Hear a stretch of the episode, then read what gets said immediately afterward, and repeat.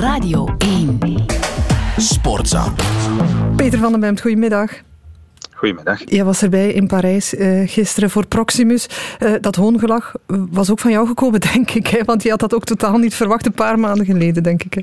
Uh, nee, helemaal niet. Of ik zou bijna zeggen twee maanden geleden ook niet. Mm. want Real Madrid zat toch, zo werd algemeen aangenomen, in een soort overgangsseizoen eigenlijk. dat was wat Thibaut Courtois ook heeft gezegd. En kijk eens wat dat is geworden. Kampioen van, van Spanje. De vroegste titel sinds ergens in de jaren 90, denk ik. En nu nog eens de beste in de Champions League als underdog, maar als grote specialist van het uh, toernooi. Zo simpel is het. Nee. Hm. En, en uh, vooral de manier waarop het is gelopen onderweg is uh, voor ja. de eeuwigheid. Ja.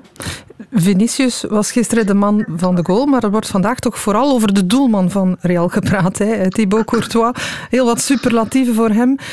Peter, je bent ook ooit nog doelman geweest. hoe heb jij naar hem gekeken? Ja. Op een ander niveau, uiteraard. Wel ja, los, los van of ik een doelman ben geweest of niet. ja, met, met al maar stijgende verbazing natuurlijk. Hè. En het is het kenmerk van de allergrootste om uh, het allerbeste niveau te halen op de allergrootste momenten. En dat is wat Thibaut Courtois gisteren heeft gedaan.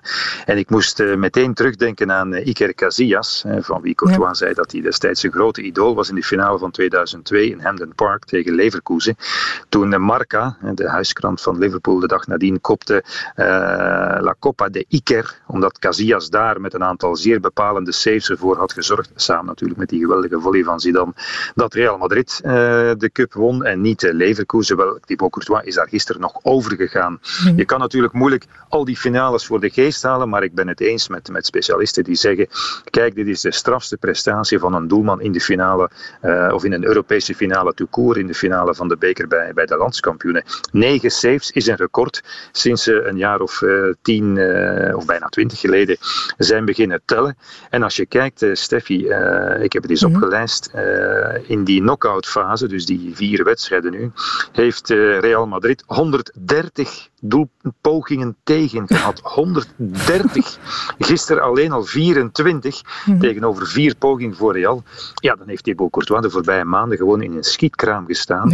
En is het een mirakel dat, dat Real Madrid die, die beker met de grote oren heeft kunnen winnen. En je zou kunnen zeggen ik maak er een klein beetje een karikatuur van. Maar, maar, Real Madrid is in die finale geraakt dankzij twee mensen. De voorste, Benzema natuurlijk, niet ja. vergeten, ja. fenomenaal geweest. En de achterste, uh, Thibaut Courtois. Wel, in die finale is het eigenlijk alleen Thibaut Courtois geweest. Want je, uh, ik lees in de Engelse kranten nu ook wel wat kritiek op Liverpool en de manier waarop ja. ze het hebben aangepakt en niet hun beste niveau gehaald.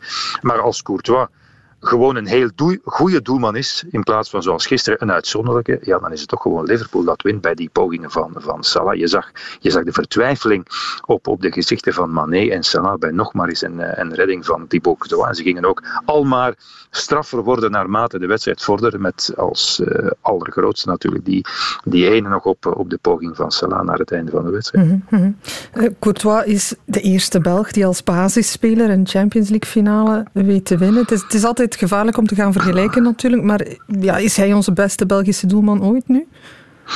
Um, ook dat is een heel gevaarlijke vergelijking mm. natuurlijk maken. We hebben nog wel een paar goede doelmannen gehad in de geschiedenis Zeker, van het Belgisch voetbal die, die top waren uh, op het allerhoogste niveau, namelijk het wereldkampioenschap voetbal. Ik denk aan Michel Prudhomme, ik denk aan, aan Jean-Marie Pfaff.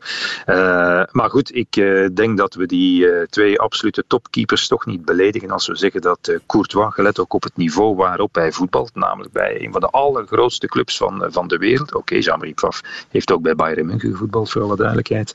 En, en uh, dat hij het nu doet in die finale uh, van de Champions League, waar Jean-Marie Pfaff in zijn finale bij de, de beker der landskampioenen nog verrast werd door een hakje van Majer. Ja, dan denk ik toch dat we dat, we dat zonder blozen mogen zeggen dat Thibaut Courtois de allerbeste is uit de geschiedenis van het Belgisch voetbal. Mm -hmm. En de concurrentie is groot, dus het is een grote eer. Ja, absoluut.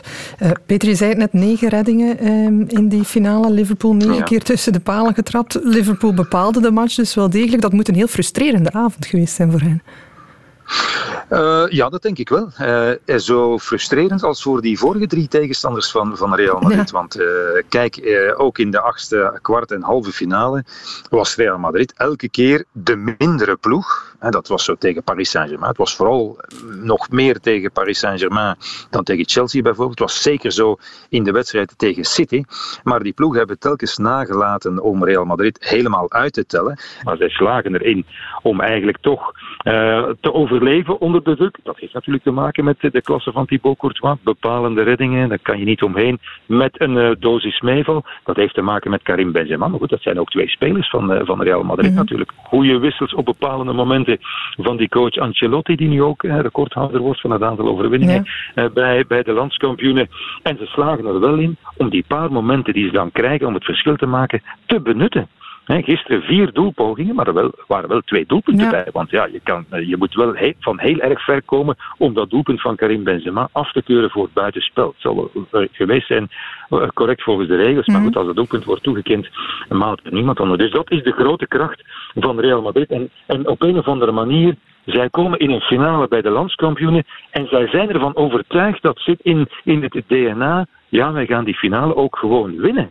Ja. Uh, ze hebben sinds 81, Steffi, geen finale meer verloren. Dat was toevallig ook in Parijs tegen Liverpool. Nadien ja. acht keer finale bij de landskampioenen gespeeld en gewoon allemaal gewonnen. Ik denk dat dat op een of andere manier misschien ook wel in de hoofden van de tegenstander kruipt. Maar nog een keer, als Thibaut Courtois een gewone sterveling is, een heel goede doelman, ja, dan wint Liverpool toch gewoon. Maar dat is het verhaal van de hele campagne. Real Madrid heeft gisteren gewonnen, zoals het ook al die vorige wedstrijden heeft gewonnen. Namelijk een beetje afwachtend spelen, Italiaans defensief zou je kunnen zeggen. Mm. Wel de klasse aan, aan de bal, ook van, van Modric en een paar anderen. Van Benzema was er wat minder in beeld. En dan toeslaan als het kan. En voilà, het was genoeg. Mm -hmm. Tot slot, Peter, extra sportief. Het was een rumoerige avond in Parijs vooraf. Hè. Problemen met supporters zonder ticket die probeerden binnen te komen. Supporters met ticket die dan niet binnen raakten. Eh, was het allemaal rustig na de match uiteindelijk? Uh, dat denk ik wel. Het was rustig, maar het was uh, wat mij betreft uh, nog altijd chaotisch. Mm. wij, wij vertrekken toch niet onmiddellijk na de wedstrijd. En, en wij zaten ook in een mensenmassa opeengepakt. Die werd geduwd naar de metro die wij dan, dan gingen nemen. daar waren ook heel veel mensen ik zou zeggen, lokale jongeren uit Parijs die met het voetbal niets te maken hadden, die daar tussen liepen. Er was op een bepaald moment ook in de metro traangas gegooid. De politie was redelijk nerveus, redelijk agressief. Want ik heb in een paar Engelse kranten uh, het relaas gelezen van, van, van journalisten die erbij waren. En die zeiden, ja, de Liverpool supporters deden eigenlijk niets verkeerd. Is te zeggen, zij met, uh, die een geldig ticket hadden, stonden gewoon te wachten. En er werd uh, ten onrechte uh, pepperspray, was het vooral denk ik het Engels, maar pepperspray gebruikt. Maar het grote probleem was inderdaad mensen die kwamen, die een vals ticket hadden gekocht op de valse markt, komen aan die turnstiles. Dat werkt natuurlijk niet. Die krijgen ze daar niet meer weg. Want er staat een mensenmassa te duwen. Je had er anderen die zonder ticket over de omheining kropen. Maar ik moet zeggen, uh, Steffi, ik vond dat wel beangstigende beelden. Want dat deed mij toch meteen denken aan het Hillsborough-drama. Waar het ook een mensenmassa ja. opeengepakt in het stadion wilde. Want je zal maar beginnen duwen van achter. Je zag die mensen op foto's tegen die hoge hekken aanstaan. Dus dat was een, een, een zeer beangstigende situatie wat mij betreft. Nu alles is rustig gebleven, dankzij de discipline van de Liverpool supporters met tickets, zal ik dan toch maar zeggen. Maar het is wel hallucinant dat we nu eigenlijk eh, op een jaar tijd twee mega-events hebben in het voetbal. Twee grote finales van het voetbal, het Europees kampioenschap. En nu de finale van de Champions League in wereldsteden, in Londen en Parijs. En we krijgen dat niet georganiseerd. Dus ja, daar moet toch maar eens goed over nagedacht worden, moet ik eerlijk zeggen. En, en ik lees van de Liverpool-fans, die waren daar al om vijf uur, half zes, dat wil zeggen vier uur, drieënhalf uur voor aanvang van de wedstrijd. Dat volstaat dan blijkbaar ook niet om op een, een veilige, gecontroleerde manier binnen te komen. Maar goed, het heeft ook te maken met mensen die daar niet hoeven te zijn en daar toch per se ja, ook uh, proberen binnendringen. Ja, het is wel straf dat zoiets kan gebeuren, inderdaad. En ook niet zo goed voor de concentratie van de spelers, uh, lijkt me dat, als je dan uh, nog een half uur moet wachten. Nee, nee, nee, ook vervelend inderdaad. Ja, ja. Peter, we gaan je stilaan laten, want je gaat nog naar Trosbijaard kijken vanmiddag in de Monde. ja, dat klopt, ja, dat klopt inderdaad. Een van de vele. En uh, dankzij mijn vrouw, die daar een uh, uitnodiging voor had, uh, zal ik op een mooie tribune op de Grote Markt zitten. Ik heb er nu veel over gelezen, want ik bereid me toch een beetje voor. En ik ben er eigenlijk opgewonden over. Dus ik kijk er naar uit. Ik zie dat het ook opklaart. Ik hoorde het weerbericht dat het goed wordt ja, vanuit de kust. Beetje fris wel nog. Een, ja, en dat het, dat het een enorme belevenis moet zijn. Dus ja. voilà. Ik red mij naar Dendermonde. Oké, okay, helemaal goed. Je hebt er niet zo vaak de kans voor natuurlijk, hè, om zoiets te nee, zien. Peter, dankjewel. Geniet ervan.